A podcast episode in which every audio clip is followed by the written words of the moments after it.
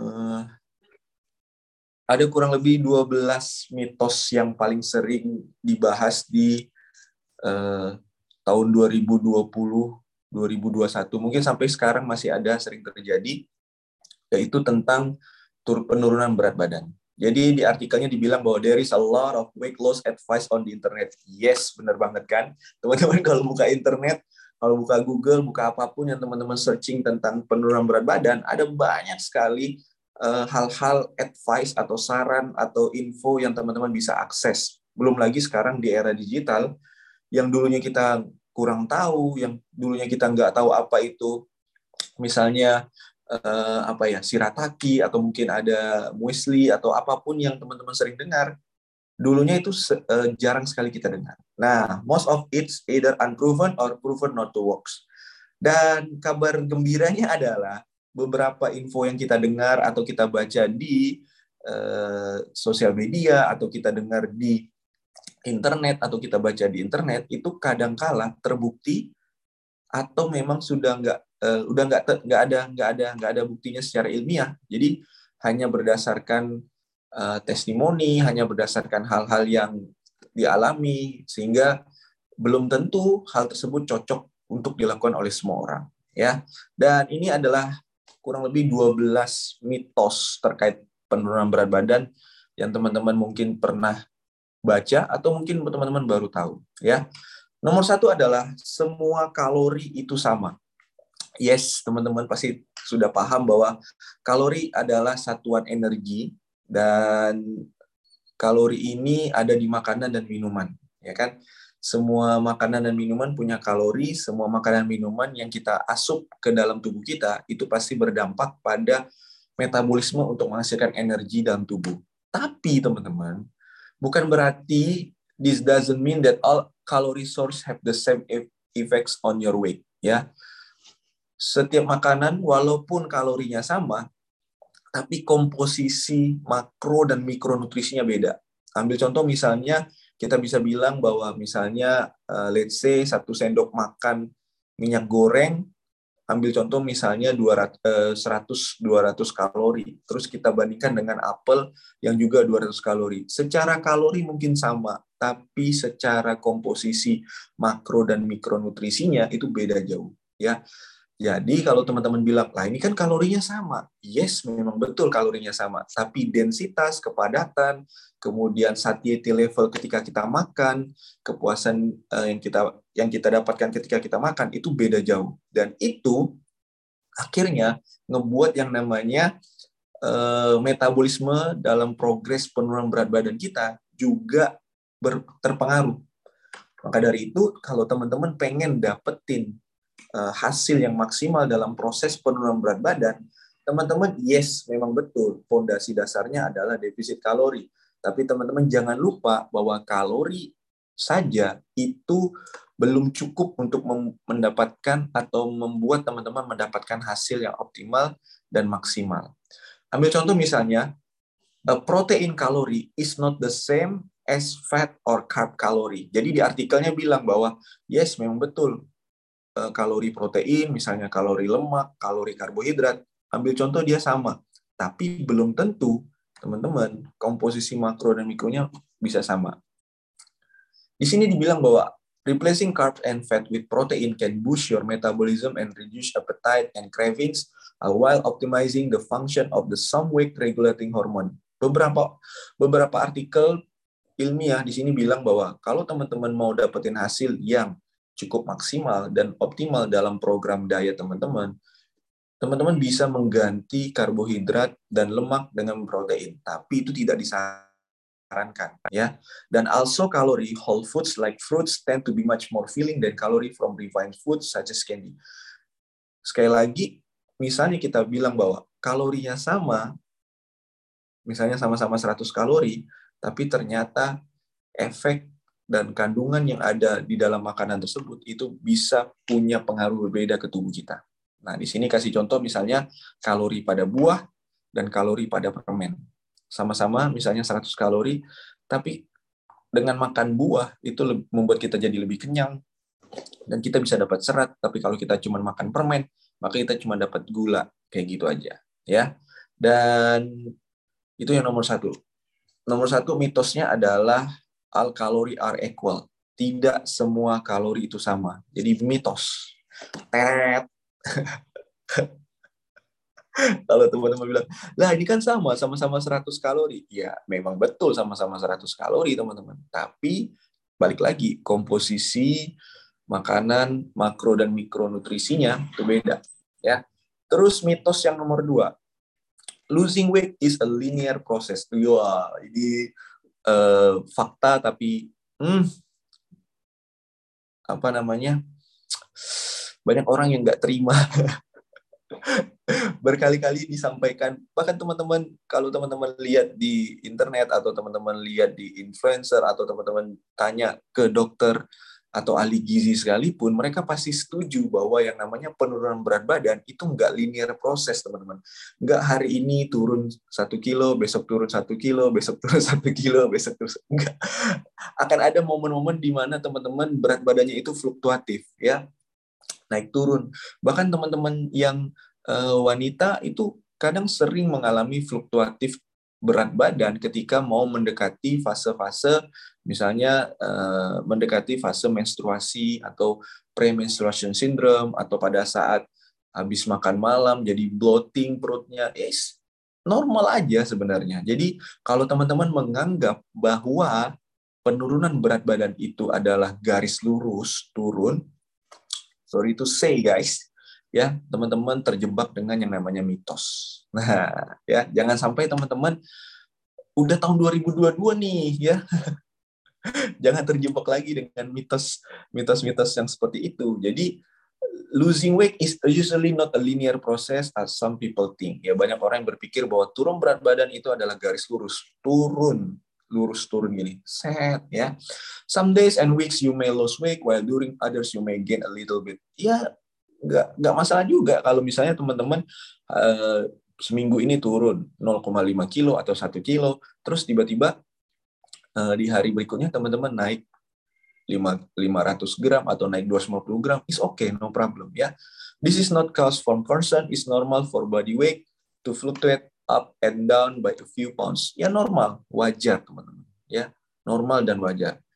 Bisa jadi banyak banyak faktor membuat teman-teman berat badannya naik. Bisa jadi teman-teman belum BAB, teman-teman bisa jadi menimbang dengan pakaian yang berbeda, atau teman-teman menimbang di waktu yang berbeda, atau teman-teman nimbangnya baru aja ma makan dan minum. ya Makanya nimbang itu enggak setiap hari, nimbang itu eh, disarankan dengan waktu yang yang sama, kemudian dengan kondisi belum makan dan minum, dan disarankan di pagi hari. Jadi nimbang tuh nggak nggak harus satu hari tuh habis makan nimbang, habis minum nimbang, terus habis keluar WC nimbang, pakai baju nimbang, selesai jalan-jalan nimbang, nggak harus seperti itu. yeah.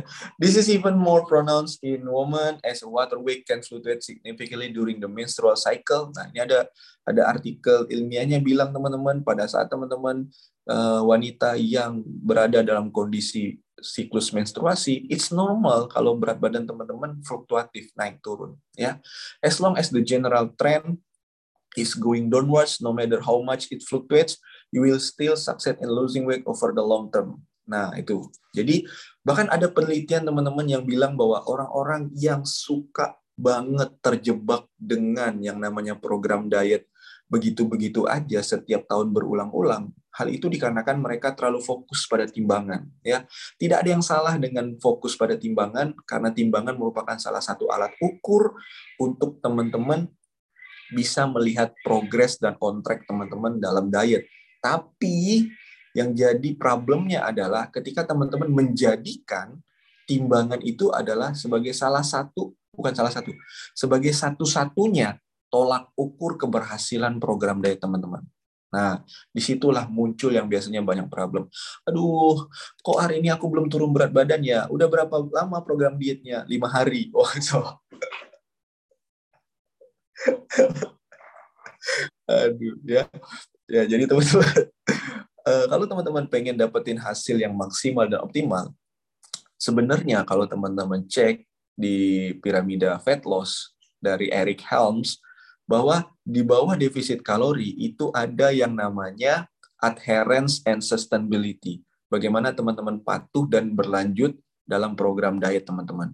Kalau teman-teman mengharapkan uh, penurunan berat badan maksimal dalam jangka waktu lima hari, oh my god, ya teman-teman mesti cek lagi uh, program diet teman-teman. Karena untuk bisa turun berat badan yang maksimal, untuk dapetin hasil berat badan dan diet yang maksimal, butuh proses, guys. Sorry to say, but itu faktanya butuh proses dan kalau ada proses maka ada butuh waktu. Ya, losing weight can take a long time. The process is generally not linear as your weight tends to fluctuate up and down by small amounts. Ya, no problem slow progress is better than no progress. Itu yang saya selalu bilang mau bilang ke teman-teman. Slow progress, walaupun progresnya lambat, masih lebih bagus daripada nggak ada progres sama sekali. Ya. Dan berikutnya, jadi itu mitos yang nomor dua, ya. Tolong tel turun berat badan dengan garis lurus itu mitos, ya. Pasti akan ada fluktuatif. Terus yang nomor tiga adalah supplements can help you lose weight. Yes, and no ya mengharapkan bahwa ada suplemen ajaib bim salah bim bisa buat teman-teman turun berat badan secara optimal hmm, yes tapi juga no kenapa karena sebenarnya kalau teman-teman lihat di lagi-lagi piramida Eric Helms suplemen itu berada di puncak paling atas. Kenapa? Karena nomor satunya itu adherence and sustainability, keberlanjutan dan kepatuhan. Nomor dua di atasnya defisit kalori, Nomor tiganya adalah makronutrien, yaitu protein, karbohidrat, lemak. Nomor empatnya itu adalah uh, meal timing, pengaturan pola makan. Kemudian nomor atasnya lagi tentang olahraga. Dan paling atas adalah suplemen. Bukan kebalik, guys. Bukan suplemen yang paling bawah. ya Tidak ada satupun suplemen yang bisa ngebuat teman-teman langsung bim salah bim. ya dapetin hasil maksimal kalau teman-teman nggak fokus dengan yang lain-lain ya basicnya adalah sustainability dan adherence defisit kalori terus makronutrien karbohidrat protein lemak pengaturan pola makan dan waktu makan suplemen paling atas ya jadi jangan sampai teman-teman ngebalik posisinya menjadikan suplemen sebagai salah satu bukan salah satu sebagai satu-satunya cara buat teman-teman turun berat. Sup, nggak ada yang salah dengan suplemen teman-teman. Ya, kita semua boleh banget konsumsi suplemen, boleh banget. Ya, nggak ada yang salah. Tapi akan menjadi keliru kalau kita menjadikan suplemen sebagai satu-satunya satu-satunya cara untuk teman-teman dapetin penurunan berat badan. The weight loss supplement industry is massive. Yes, banyak banget uh, jenis dan merek suplemen yang teman-teman bisa akses dan teman-teman bisa dapetin di luar sana. Dan various company claim that their supplement have dramatic effect, but they are rarely very effective when studied. Ya, jadi the main reason that supplement work from some people is the placebo effect. Ada yang bilang bahwa suplemen itu placebo effect. Placebo effect itu seperti misalnya uh, apa ya sederhananya seperti kekuatan mindset pikiran teman-teman. Jadi ada orang yang uh, dikatakan bahwa ada orang ada bahwa ada ada penelitian teman-teman. Ya saya pernah baca ada penelitian ada dua kelompok orang. Kelompok pertama adalah orang-orang yang hanya dikasih pola makan dan dikasih uh, semacam tablet kapsul gitu, tapi dikasih tahu bahwa ini adalah obat terbaik di dunia yang bisa buat dia sembuh. Ya, padahal tablet kapsulnya tuh bukan obat, ya, cuma cuma vitamin biasa aja gitu. Nah, kelompok yang kedua dikasih obat terbaik, teman-teman. Dikasih obat terbaik, tapi diinfokan bahwa sebenarnya hmm, untuk bisa sembuh nih peluangnya kecil. Jadi kita hanya bisa berharap semoga uh, dengan hasil terbaik ini kamu bisa sembuh. Nah, yang kelompok satu yang nggak dikasih obat tapi dikasih tahu bahwa ini adalah obat terbaik, ternyata hasilnya lebih bagus dibanding yang dikasih obat terbaik tapi dikasih tahu harapan sembuhnya sedikit. Maka dari itu banyak orang yang terjebak dengan bahasa marketing dari suplemen. Sekali lagi saya saya sendiri juga konsumsi suplemen, teman-teman. Ya, konsumsi suplemen. Itu boleh banget konsumsi suplemen, tapi jangan sampai teman-teman terjebak dengan bahasa marketing yang wow, yang melebih-lebihkan, yang klaimnya itu luar biasa, turun berat badan tanpa perlu makan, tanpa perlu makan. ya iyalah turun berat badan atau uh, sebenarnya banyak banget sih ya uh, untuk bisa suplemen dan memang suplemen kalau kita bahas suplemen ini ya, agak-agak nih agak-agak sensitif ya guys jadi intinya adalah sekali lagi saya tidak menyalahkan suplemennya, saya tidak membenci suplemennya. Yang saya pengen bilang ke teman-teman semua bahwa suplemen is okay, tapi menjadikan suplemen satu-satunya cara buat turun berat badan, nah itu it's hmm, enggak deh kayaknya ya. Jadi teman-teman tetap harus pahami betul bahwa konsep dasarnya itu adalah adherence and sustainability, kepatuhan dan keberlanjutan. Kemudian nomor duanya itu adalah uh, defisit kalori. Baru nomor tiganya makro, mikro, olahraga, dan sebagainya. Oke, okay? jadi itu mitos yang nomor tiga. Mitos yang nomor empat adalah obesity is about willpower, not biology. Guys, sorry to say, buat teman-teman yang bilang bahwa kamu tuh harus serius, kamu tuh harus konsisten, kamu tuh harus pengen bener-bener langsing, kamu tuh harus pengen-pengen bener turun berat badan. Saya percaya betul teman-teman, ya buat orang-orang yang sedang obesitas dan pengen turun berat badan, itu mereka pasti pengen. Bahkan pengennya tuh lebih-lebih kepengen dibanding orang lain. Tapi untuk bisa turun berat badan bagi teman-teman kita yang obesitas, it's not just about keinginan. Bukan hanya tentang willpower, bukan hanya tentang motivasi. Kenapa? Karena teman-teman, obesitas itu juga berkaitan dengan yang namanya biologi. Apa yang terjadi di tubuhnya. Seperti yang kita ketahui sama-sama teman-teman, bahwa ada hormon pengatur makan di dalam tubuh kita, yaitu hormon leptin buat rasa kenyang dan hormon grelin buat rasa lapar. Nah, orang-orang yang obesitas, teman-teman kita yang obesitas itu kebanjiran hormon leptin, teman-teman. Sehingga tubuhnya itu sulit memproduksi atau menerima informasi bahwa dia dalam kondisi kenyang. Jadi sebenarnya dia tuh udah kenyang, tapi otaknya itu masih belum bisa memproses rasa kenyang itu sehingga keinginan untuk makannya terus-terus terjadi. Yes, secara keinginan dia memang pengen turun berat badan, tapi secara metabolisme tubuh, tubuhnya bilang bahwa dia masih belum kenyang. Jadi ya obesitas bukan hanya tentang willpower, obesitas juga tentang bagaimana kita paham betul mekanisme kerja tubuh kita, ya. Jadi kalau kita bilang, wah kamu wajar sih kamu gemuk, soalnya kamu nggak ada keinginan buat turun berat badan sorry to say ya. Mereka pengen turun berat badan guys ya. Jadi obesitas itu is a very complex disorder with dozen if not hundreds of contributing factor. Multifaktorial teman-teman. Multifaktorial. Jadi kita nggak bisa bilang bahwa kamu harus kurangi makan bahwa maka kamu akan turun berat badan. Bukan hanya tentang kurangi makan aja, banyak faktor yang membuat orang-orang bisa dapetin penurunan berat badan. Bukan hanya sekedar keinginan dan bukan hanya sekedar motivasi. Yes, benar banget. Kalau buat turun berat badan, teman-teman butuh yang namanya uh, alasan teman-teman buat turun berat badan, motivasi, keinginan, tapi it's not just it. Teman-teman butuh lebih dari itu, ya. Bahkan ada juga yang bilang bahwa obesitas itu diturunkan dari orang tua yang obesitas juga. Ada ada juga penelitian yang bilang seperti itu, teman-teman. Ya, bahkan ada juga orang yang bilang bahwa obesitas itu eh, 80 persennya itu dari gaya hidup, 20 persennya itu dari gen.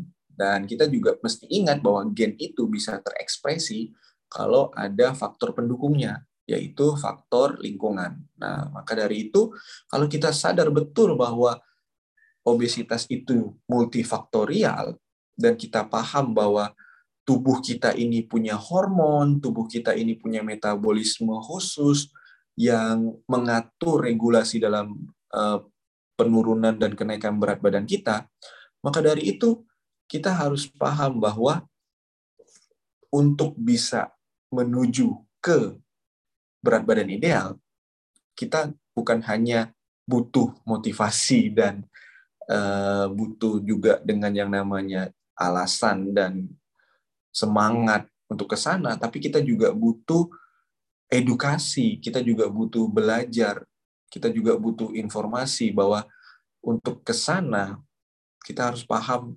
semua faktor, ya, semua faktor, baik itu metabolisme, baik itu bagaimana tubuh kita bekerja, baik itu bagaimana kita paham betul bahwa ada makanan, ada minuman yang punya kalori dan segala macamnya. Dan uh, of course, this doesn't mean that people should give up and accept their genetic fate. Losing weight is still possible, it's just much harder for some people. Yes, ya.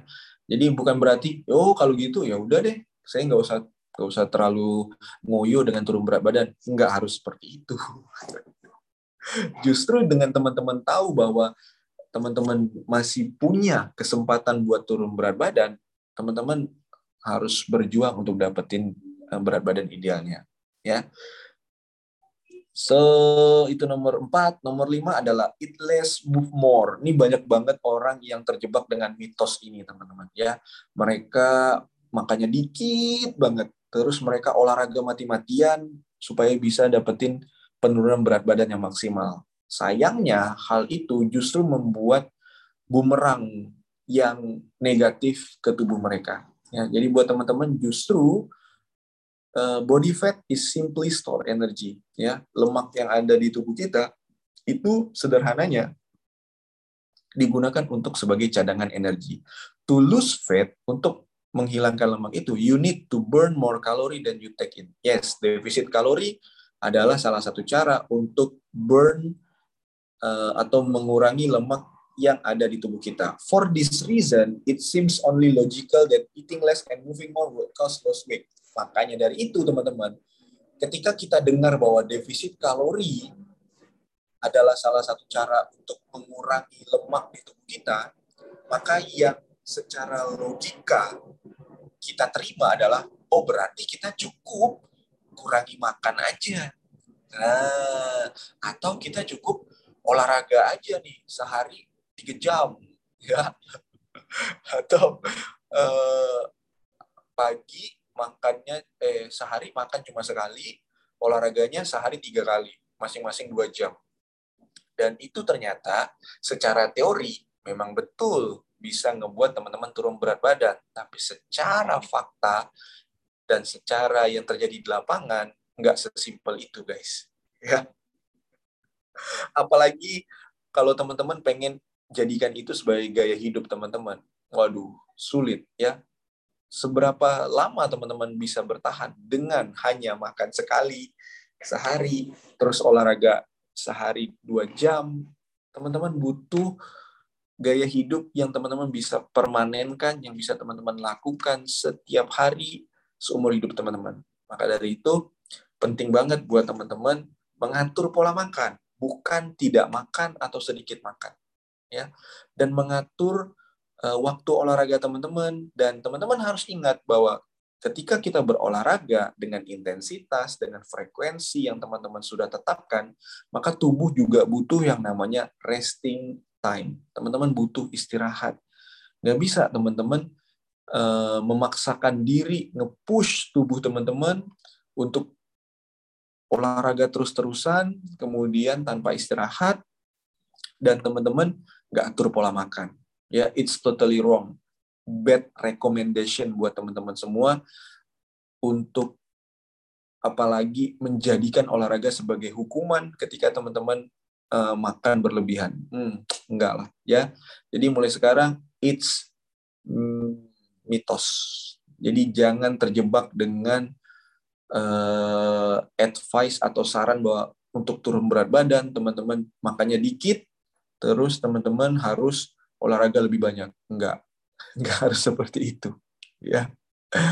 Bahkan uh, ada penelitian yang bilang bahwa most people who follow this advice end up regaining any lost weight due to post, uh, psychological and biochemical factor ya bahwa ada yang turunnya yes turun tapi habis itu naiknya lebih banyak Ya, jadi instructing someone with obesity to simply eat less and move more is like telling someone with depression to cheer up or someone with alcoholism to drink less. Jadi bukan itu solusinya buat teman-teman turun berat badan. Bukan makan dikit, bukan olahraga berlebihan, tapi pengaturan pola makan dan pengaturan waktu olahraga it's more important buat teman-teman dapetin hasil maksimal dan optimal dalam program diet teman-teman. Oke. Dan berikutnya, nomor enam adalah carbs make you fat. Nah, ini sering banget kan kita dengar, sehingga banyak orang yang tanpa sadar itu ngebenci karbohidrat.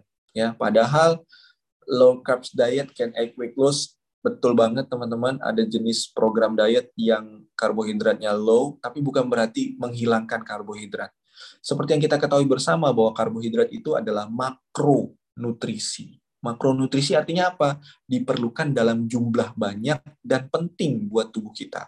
Karbohidrat, lemak, dan protein itu penting banget buat tubuh kita. Menghilangkan karbohidrat itu bukan jawaban buat teman-teman bisa turun berat badan secara sehat. Teman-teman bisa aja turun berat badan, tapi in many case, beberapa kasus, eh, banyak orang yang mengurangi atau menghilangkan karbohidrat dalam program dietnya. Yes, mereka turun berat badan, tapi mereka lemes Kenapa? Karena fungsi karbohidrat adalah sumber energi. Jadi kalau teman-teman menghilangkan karbohidrat dalam asupan harian teman-teman, teman-teman bisa turun berat badan, tapi teman-teman lemes, teman-teman nggak ada energi, teman-teman nggak ada tenaga, teman-teman jadi hilang fokus. Kayaknya nggak banget deh kalau teman-teman turun berat badan tapi nggak sehat seperti itu. Ya, jadi yang perlu kita kurangi itu adalah karbohidrat sederhana yang mengandung gula terlalu tinggi, kemudian yang apa ya namanya ya, yang multiproses ya seperti junk food, yang lain-lain segala macamnya. Nah, itu yang perlu kita kurangi atau mungkin perlu kita hindari, teman-teman. Ya. Intinya adalah bagaimana kita mengatur pola makan kita untuk bisa dapetin hasil optimal dalam progress diet kita. Oke, nomor tujuh adalah fat makes you fat. Sekali lagi, untuk teman-teman yang pengen turun berat badan, itu jangan, bukan jangan, disarankan untuk tidak menghilangkan lemak juga dalam asupan harian teman-teman. Tubuh kita tetap butuh lemak, tapi yang kita perlukan adalah lemak baik. ya. Kenapa? Kenapa sih banyak orang yang nggak eh, banyak orang yang benci banget dengan lemak atau memang nggak mau ada lemak dalam program hariannya karena mereka beranggapan lemak itu 9 eh, kalori satu gramnya kalau protein dan karbohidrat satu gramnya itu 4 kalori kurang lebih sehingga dengan banyak makan lemak otomatis tubuh kita akan banyak lemak bertambah nah jadi kuncinya bukan menghilangkan tapi kuncinya adalah mengatur asupan lemak asupan karbohidrat dan asupan protein di tubuh kita. Ya. Sekali lagi, kita butuh lemak. Tubuh kita butuh lemak, Ya. Ambil contoh, salah satu fungsi lemak adalah melarutkan vitamin A, vitamin D, vitamin E, vitamin K. So, kalau teman-teman nggak ada asupan lemak, gimana vitamin itu bisa larut dalam tubuh teman-teman? Gimana teman-teman bisa memanfaatkan Eh, makanan-makanan yang mengandung vitamin A, D, E, K, sementara teman-teman nggak ada asupan lemak sama sekali dalam pola makan teman-teman. Jadi itu hanya dari satu sim, contoh simpel aja tentang melarutkan vitamin. Masih banyak fungsi lemak yang lain. ya. Terus nomor 8 adalah eating breakfast is necessary to lose weight.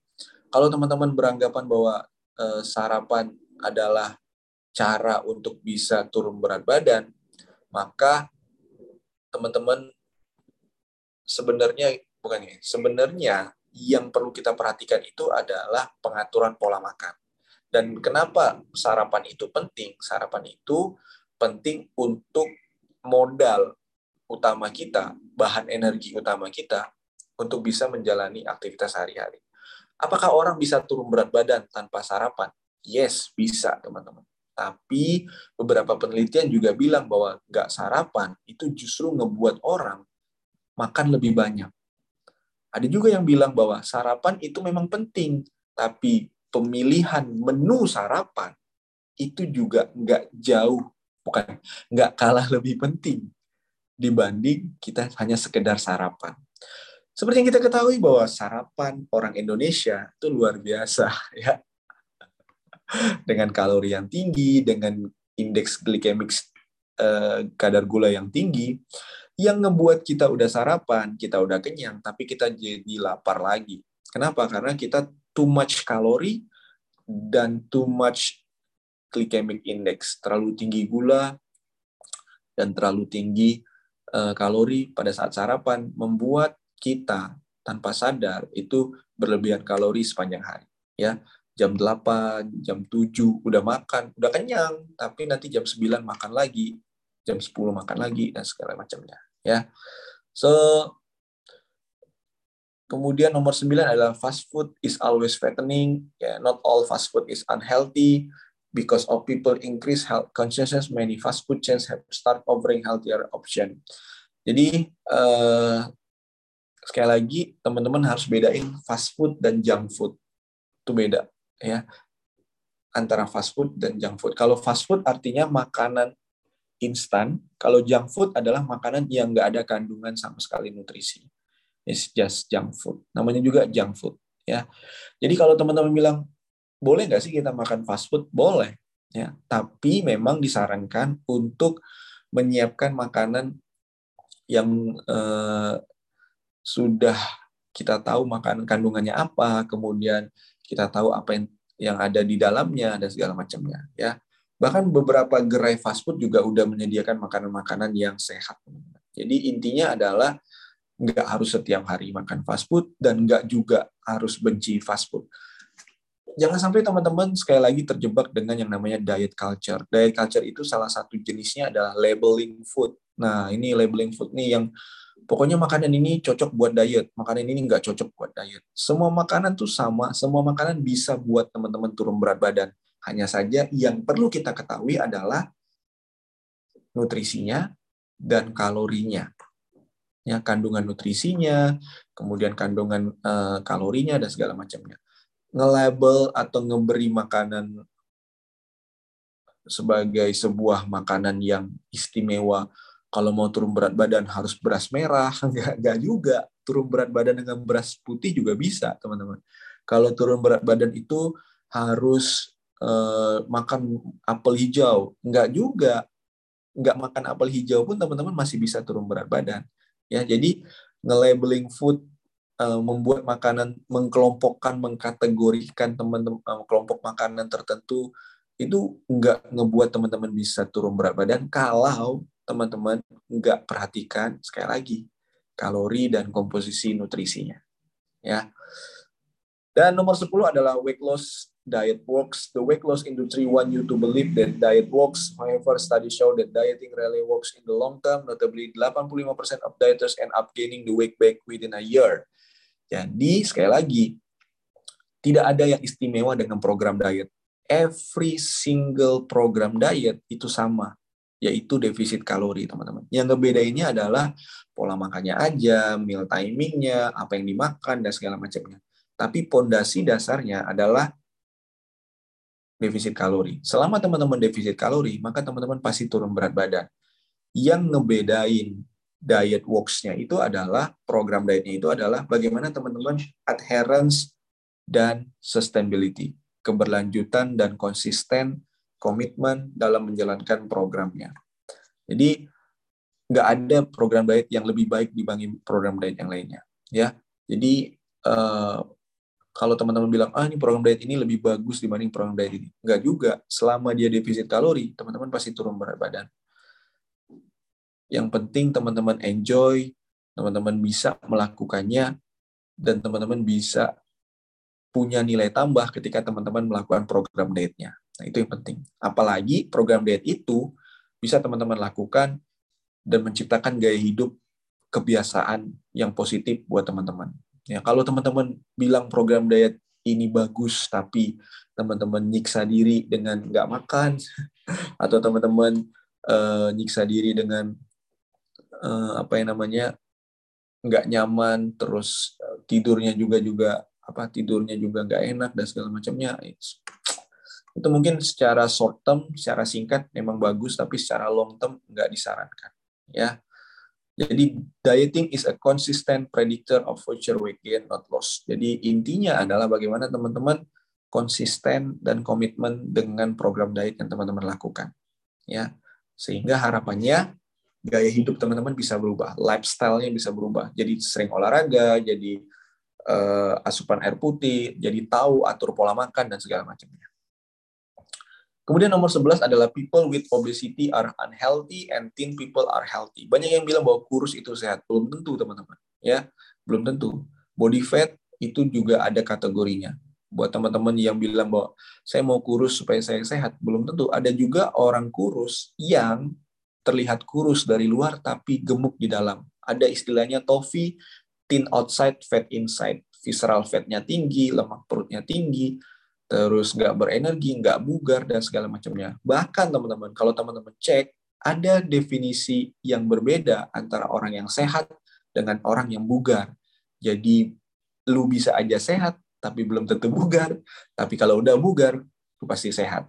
Nah, jadi eh, kalau teman-teman bilang orang yang obesitas atau orang yang gemuk itu tidak sehat, belum tentu. Kenapa? Karena definisi sehat adalah tidak masuk rumah sakit teman-teman nggak sakit dan segala macamnya. Jadi kalau teman-teman bilang saya obesitas, saya sehat, yes memang benar karena teman-teman belum masuk rumah sakit.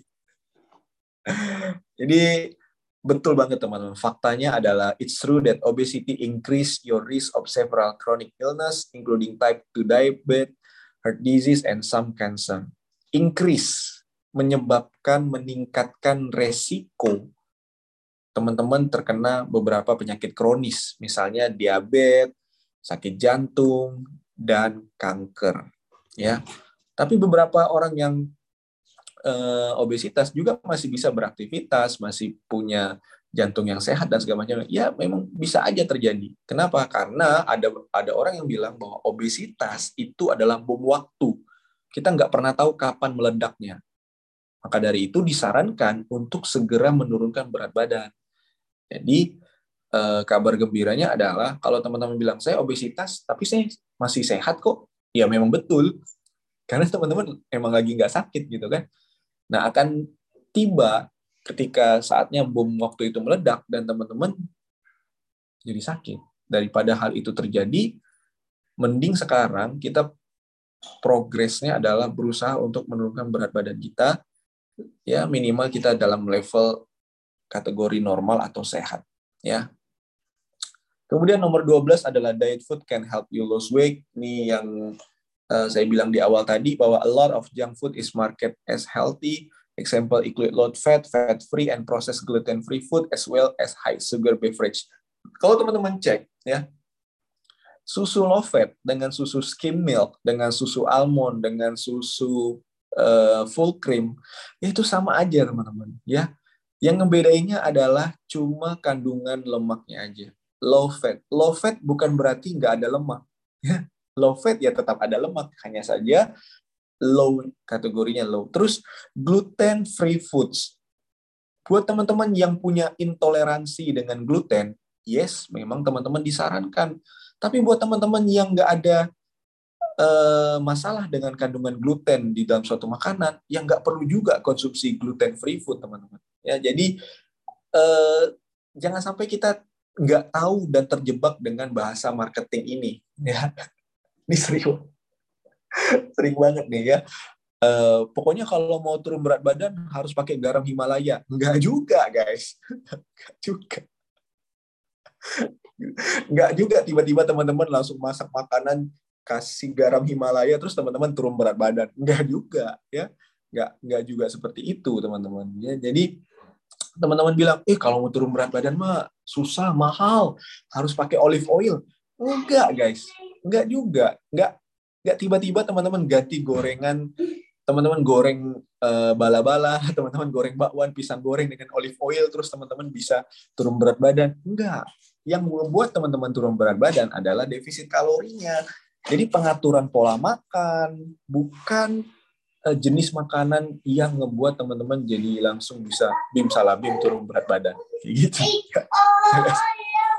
Jangan sampai kita uh, jadi overclaim jadi merasa uh, pasti turun berat badan dengan produk-produk yang kita gunakan. Low fat, gluten free food, free sugar, free sugar dan segala macamnya.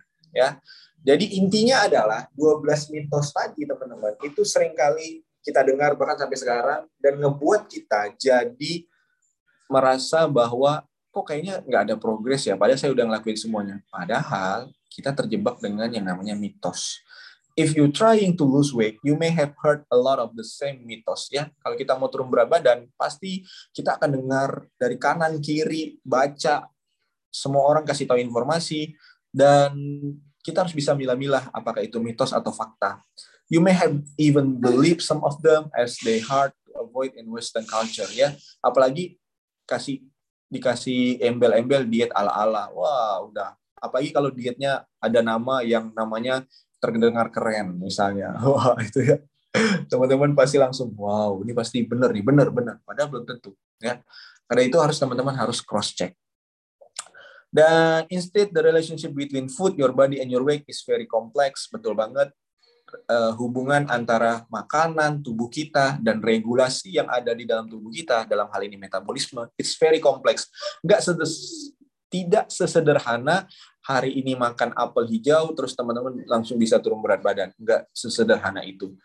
Jadi intinya adalah bagaimana teman-teman selalu cross check dulu informasi apa pun yang teman-teman dengar, informasi apa pun yang teman-teman baca sehingga teman-teman bisa pinter sama-sama dan bisa langsing sama-sama. Itu yang paling penting, ya. Jangan langsung melihat atau mendengar overclaim masih turun berat badan, turun 7 kilo dalam waktu satu hari. Wah. Langsung pengen tahu. Wow, oke. Okay. So,